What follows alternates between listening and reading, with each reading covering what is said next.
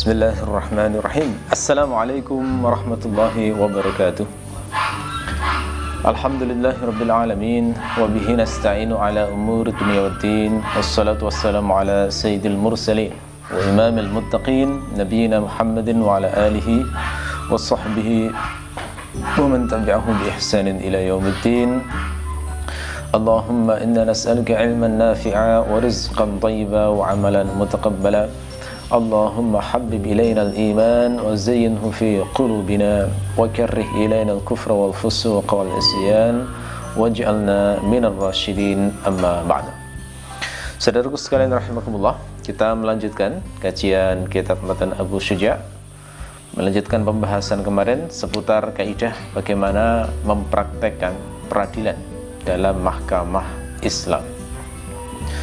Pada pertemuan kemarin kita sudah membahas satu prinsip penting dalam mahkamah Islam yakni bahwa siapa pun yang berposisi sebagai penggugat maka dia wajib menyediakan bukti atau lebih tepatnya dia harus menyediakan bukti ya kata-kata harus mungkin lebih hati-hati daripada wajib. Kenapa? Karena kalau disebut wajib berarti dia berdosa dalam kondisi apa pun jika tidak menunjukkan bukti. Sementara ada kasus-kasus perselisihan yang mana seseorang itu boleh membatalkan tuntutannya.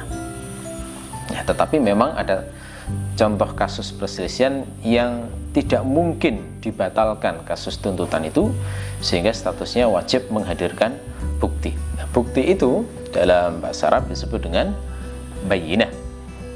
Ya. Seorang penggugat atau seorang penuntut harus menghadirkan bukti.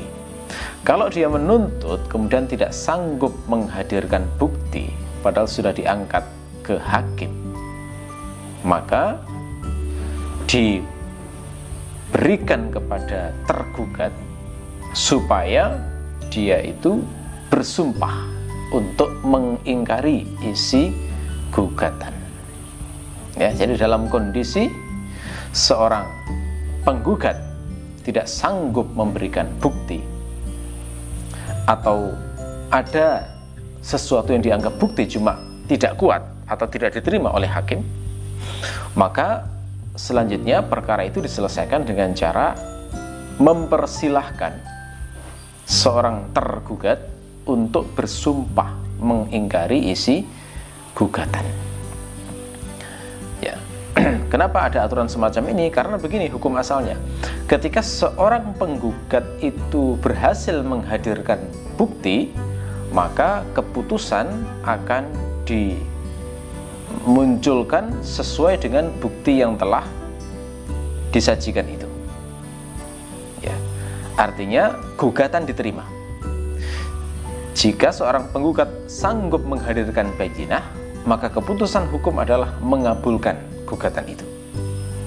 Tetapi jika tidak ada bukti yang menguatkan gugatan, maka dikembalikan kepada pihak tergugat apakah dia berani bersumpah mengingkari isi gugatan. Kalau dia berani bersumpah, maka berarti gugatan tidak diterima sehingga pihak tergugat dinyatakan bebas. Ya. Nah ini, ini kemarin sudah kita pelajari di pertemuan sebelumnya. Prinsip penting dalam mahkamah Islam seperti itu. Nah selanjutnya kita bahas pada pertemuan kali ini bagaimana kasusnya jika seorang yang tergugat itu menolak untuk bersumpah. Ya, jadi penggugat nggak punya bukti, tetapi ketika hakim mengembalikan kepada tergugat untuk bersumpah, tapi dia menolak untuk bersumpah.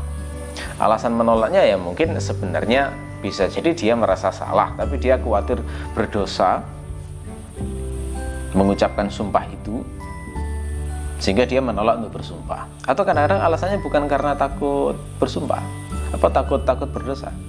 Alasannya adalah khawatir kalau dia bersumpah kebetulan kemudian ada eh, takdir Allah yang bertepatan dengan isi sumpah itu lalu kemudian ada opini yang tidak baik di tengah masyarakat uh, karena yang bersumpah tersebut dikenal sebagai orang yang soleh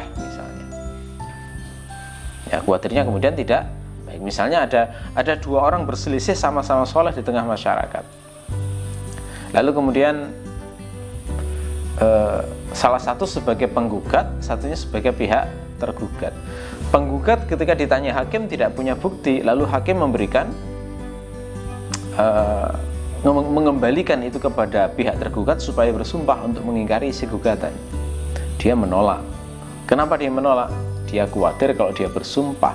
Lalu kebetulan isi sumpahnya itu sesuai dengan kenyataan lalu kemudian kena balak misalnya. Padahal sesungguhnya nggak ada kaitan dengan isi sumpah itu balaknya.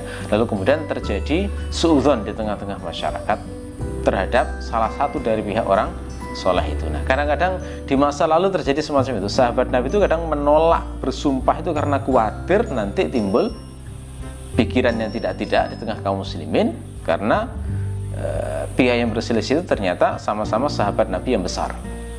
Ya jadi itu. Jadi menolak bersumpah itu alasannya bisa macam-macam. Tidak selalu menunjukkan keraguan pihak yang tergugat itu.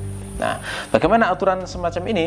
Kalau terjadi kasus e, orang yang tergugat menolak bersumpah? Ini yang dinyatakan oleh Abu Suja pada kalimat yang akan kita bahas ini. Abu Suja menulis, "Fa innaka la'anil yamin ruddat 'alal mudda'i fayahlifu wa yastahiqqu." Jika pihak yang tergugat menolak untuk bersumpah, ya kata nakala nakala itu maknanya imtana'ah imtana itu menolak ya menolak atau mundur karena takut nah, begitu atau mundur karena khawatir atau yang semakna dengan itu. Itu nakala. Jadi nakala ini fiilnya mudda'a alaih atau e, bahasa kita adalah tergugat. Ingat ya istilah dalam peradilan itu penggugat dinamakan mudda'i. Yang tergugat dinamakan mudda'a alaih. Kalau gugatan dinamakan dakwah ya. Kalau sesuatu yang digugatkan itu namanya mudda'a bihi. Nah ini istilah-istilah ini harus jeli karena akan sering muncul dalam kitab fikih pada saat membahas peradilan.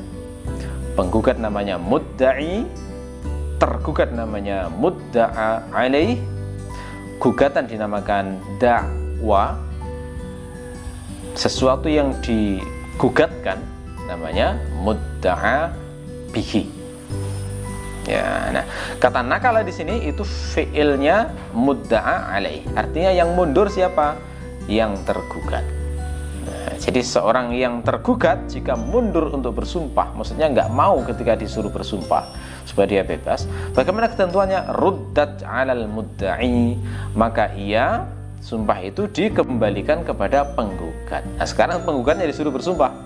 Begitu. Kenapa? Karena penggugatnya tadi kan hukum asalnya awalnya disuruh untuk me, men, memberikan bayinah, bukti gitu loh. Karena kita kemarin sudah membahas hukum asal seorang penggugat itu kata-katanya lemah. Ucapannya lemah. Kenapa? Karena hukum asal orang itu kan baik hukum asal hukum asal orang itu tidak berbuat kriminal. Ketika ada seorang penggugat menuduh tergugat terkait dengan sesuatu, maka itu bertentangan hukum dengan hukum asal. Makanya para fuqaha itu mengatakan hukum asal ucapan seorang penggugat adalah lemah. Karena lemah, maka dia perlu dikuatkan, perlu didukung oleh bukti. Nah, bukti itu namanya bayinah. Makanya diharuskan seorang penggugat menghadirkan bayinah kan begitu ketentuannya tetapi kalau misalnya dia tidak mampu menunjukkan bayinah itu saksinya misalnya hanya dirinya sendiri nggak mampu. Maka kemudian diperintahkan kepada pihak tergugat untuk bersumpah. Nah kalau misalnya si pihak tergugat ini menolak untuk bersumpah dikembalikan lagi kepada penggugat. Maksudnya dikembalikan bagaimana? Penggugat diminta untuk bersumpah mem, uh, bersumpah bahwa yang ia katakan terkait gugatannya adalah benar. Ya, contoh praktisnya begini aja. Ya. Misalnya ada dua orang laki-laki. Satu bernama Zaid, yang kedua bernama Ali misalnya. Zaid ini berhutang kepada Ali misalnya. Berhutang sebanyak 10 juta. Lalu kemudian seiring berjalannya waktu karena usia utangnya itu lama, lupalah si Zaid ini. Zaid mengira utangnya cuma 5 juta.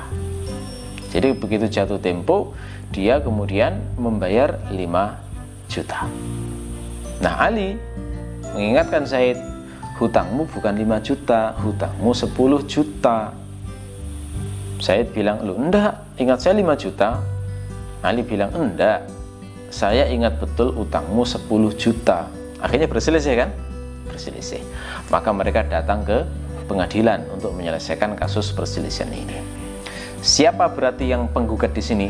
Yang penggugat adalah Ali. Kenapa? Karena Ali ingin mendapatkan haknya penuh 10 juta gitu loh ya. Yang tergugat siapa? Yang tergugat berarti Zaid karena dia yang dituntut untuk membayar 5 juta tambahan tadi. Nah, seperti yang kita bahas sebelumnya, pada kasus semacam ini kalau ada pihak penggugat dan tergugat, maka hukum asalnya penggugat harus menunjukkan bayinah atau bukti. Jadi begitu sampai di depan hakim, hakim akan bertanya, Ali, buktinya apa? Kamu menghutangi 10 juta. Begitu. Kalau jawaban Ali saya ingat karena saya yang punya uang jadi ya buktinya saksinya cuma saya misalnya nah, jadi misalnya Ali itu nggak punya bukti, nggak ada dua saksi yang menyaksikan transaksi utang piutang itu, atau nggak ada dokumen tertulis yang menunjukkan utang piutang itu, tetapi hanya bertumpu pada daya ingatnya sendiri, persaksiannya sendiri, maka dalam hal ini berarti hakim akan menilai Ali tidak punya bayinah, gitu ya. Ali tidak punya bukti. Nah, dalam kondisi ini, ketika Ali sudah nggak punya bukti, maka hakim akan meminta kepada tergugat yakni Zaid untuk bersumpah. Ya. Jadi hakim akan berkata kepada Zaid, "Wahai Zaid, ini Ali ketika mengatakan bahwa kamu punya hutang 10 juta dan saya minta untuk menunjukkan bukti dia tidak sanggup menunjukkan bukti kecuali hanya dirinya sendiri sekarang beranikah kamu bersumpah wahai Zaid bahwa utangmu memang hanya 5 juta nah, kalau misalnya hakim bertanya semacam itu kepada pihak tergugat Lalu kemudian Zaid berani bersumpah, ya saya berani bersumpah utang saya cuma 5 juta, maka bebaslah. Bebaslah si Zaid ini tidak wajib membayar 5 juta itu. Tetapi kalau misalnya kasusnya Zaid ini ragu, sebentar, ingat saya 5 juta, tapi ada kemungkinan benar itu 10 juta. Tapi dugaan kuat saya kok 5 juta ya? Cuma saya masih ragu misalnya. Sehingga ketika disuruh bersumpah, tidak berani dia. Hakim menyuruh bersumpah, tidak berani. Nah, dalam kondisi tergugat tidak berani untuk bersumpah, menolak bersumpah semacam ini, maka hakim memerintahkan, ya, mengembalikan sumpah itu kepada penggugat. Nah, sekarang ganti bertanya begini, hakim, wahai Ali, ini Zaid tidak mau bersumpah. Sekarang kamu beranikah bersumpah? yang menyatakan bahwa memang piutangmu sejumlah 10 juta. Nah, kalau misalnya eh, Ali berani bersumpah, maka ketentuannya fayahlifu wa. Maka dia jika berani bersumpah, maka dia berhak ya, dengan eh, materi gugatan itu. Jadi kalau Ali berani bersumpah karena yakin betul, ya saya berani bersumpah demi Allah bahwa saya menghutangi Zaid sebanyak 10 juta. Nah, kalau sudah berani mengatakan semacam itu, maka kuatlah klaimnya Ali. Jadi uh, gugatan dia plus sumpahnya itu sudah seakan-akan mewakili bayinah tadi. Ya, sehingga dia berhak untuk mendapatkan uang 10 juta itu. Ini maksud dari pernyataan Abu Suja yang mengatakan fa innaka la'anil yamin ruddat 'alal mudda'i fayahlifu wa yastahiqqu. Kalau tergugat itu menolak untuk bersumpah, maka sumpah itu dikembalikan kepada penggugat. sehingga dia bersumpah lalu dia berhak untuk mendapatkan materi gugatannya ya apa ketentuan eh, apa dasar ketentuan semacam ini? Dasarnya adalah riwayat Ad-Daruqutni dari Ibnu Umar bahwasanya Nabi sallallahu alaihi wasallam raddal yamin ala talibil haq Rasulullah mengembalikan sumpah itu pada penuntut hak. Nah, maknanya berarti dikembalikan pada penggugat. Dalam kondisi tergugat tidak mau bersumpah. Maksudnya begitu termasuk yang semacam ini adalah kisah perselisihan antara sahabat Nabi yang bernama Al-Miqdad bin Al-Aswad dan Uthman bin Affan. Ini diceritakan dalam salah satu riwayatnya tersebut dalam kitab Al-Muhalla bil Athar karangan e, Ibnu Hazm. Ya. Diceritakan di sini Al-Miqdad bin Al-Aswad itu pernah berhutang kepada Utsman sebanyak 7000 dirham. 7000 dirham. Saya tidak tahu ya konversi eh, dirham ke rupiah sekarang berapa persisnya. Kita harus ngerti dulu data eh, harga perak per gramnya berapa. Jadi dirham itu kan mata uang yang terbuat dari perak. Ya beratnya itu Eh, satu dirham setara dengan 2,975 gram. Jadi hampir 3 gram perak jadi pertama-tama kalau ingin tahu satu dirham senilai berapa berarti harus dicari dulu harga perak satu gramnya berapa. Nah terus kalikan tiga kira-kira. Setelah itu kalikan 7000 nanti ketemu nilai uh, utangnya Al-Miqdad bin Al-Aswad kepada Uthman bin Affan. Sekali lagi Al-Miqdad bin Al-Aswad berhutang kepada Uthman bin Affan sebanyak 7000 dirham. Lalu kemudian ketika Utsman menagih Al-Miqdad yang dibayarkan 4000. Nah, maka Utsman mengatakan, "Loh, utangmu 7000 bukan 4000." Kata Miqdad, "Enggak, cuma 4000." Begitu. Akhirnya kemudian mereka berdua datang kepada Utsman. Jadi meskipun sahabat besar ya wajar ya terjadi perselisihan semacam itu sangat wajar namanya manusia kan. Ya, jadi ini tidak mengurangi muruah, tidak mengurangi ketakwaan, tidak mengurangi biasa saja, normal saja. Yang penting diselesaikan dengan baik. Disampaikan pada Umar, lalu kemudian karena nggak ada bukti dan lain sebagainya, lalu Al-Miqdad berkata kepada eh, Umar, wahai Amirul Mukminin, hendaknya Utsman itu bersumpah eh, bahwasanya memang hutangnya hutang saya seperti yang ia katakan sehingga dia bisa mengambil haknya maka Umar mengatakan ansafaka ihlif annaha kama taqul wa khudha ya. Kamu sudah berbuat adil. Ya. Maka kemudian Umar berkata bersumpahlah bahwasanya piutangnya memang seperti yang kau katakan sehingga engkau berhak untuk mengambilnya. Nah ini menunjukkan bahwa ini sudah biasa di zaman Nabi itu seperti ini mekanismenya. Ketika uh, pihak yang tergugat itu tidak mau bersumpah maka dikembalikan kepada penggugat bahwa e, memang materi gugatannya seperti yang ia klaimkan itu. Sehingga dengan begitu dia bisa berhak untuk mendapatkannya. Ya itu termasuk juga kasus perselisihan Zaid bin Sabit itu pernah berselisih dengan Ibnu Muti terkait dengan rumah. Sama kasusnya itu ya, ya jadi tidak punya bukti lalu kemudian diminta kepada Ibnu Muti' untuk bersumpah. Ibnu Muti' menolak untuk bersumpah maka dikembalikan kepada Zaid bin Thabit untuk bersumpah bahwa itu memang haknya. Nah lalu Zaid bersedia bersumpah sehingga menjadi haknya. Nah ini ini menunjukkan bahwa prinsip ini sudah dipraktekkan dengan baik sejak masa sahabat Nabi dan kemudian dipraktekkan dalam mahkamah-mahkamah Islam di masa selanjutnya. Oke. okay. Sekarang yang jadi pertanyaan, bagaimana jika penuntut itu masih mung, belum mungkin bersumpah?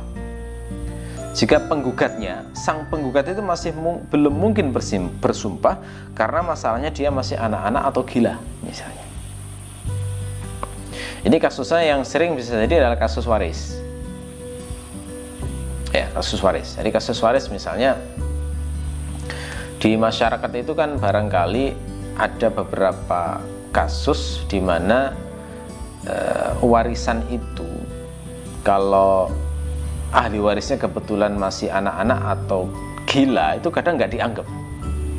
Nah, sehingga saat saat acara bagi-bagi warisan itu dia tidak dihitung gitu ya. Lalu kemudian ketika bisa jadi uh,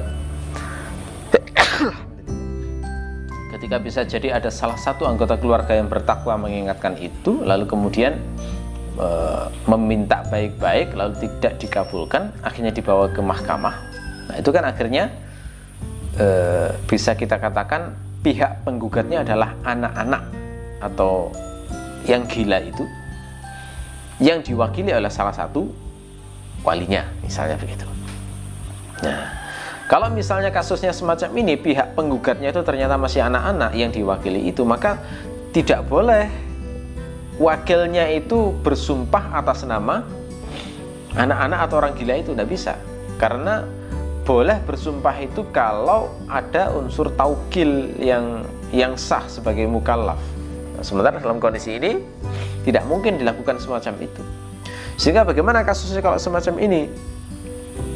Jadi minta mendapatkan haknya tapi nggak bisa membuktikan. Lalu kemudian pihak tergugatnya disuruh untuk bersumpah dia tidak mau. Lalu kemudian dikembalikan lagi kepada pihak penggugat. Sementara penggugat masih anak-anak atau gila? Ya, bagaimana ketentuannya? Jawabannya adalah harus ditunggu sampai balik.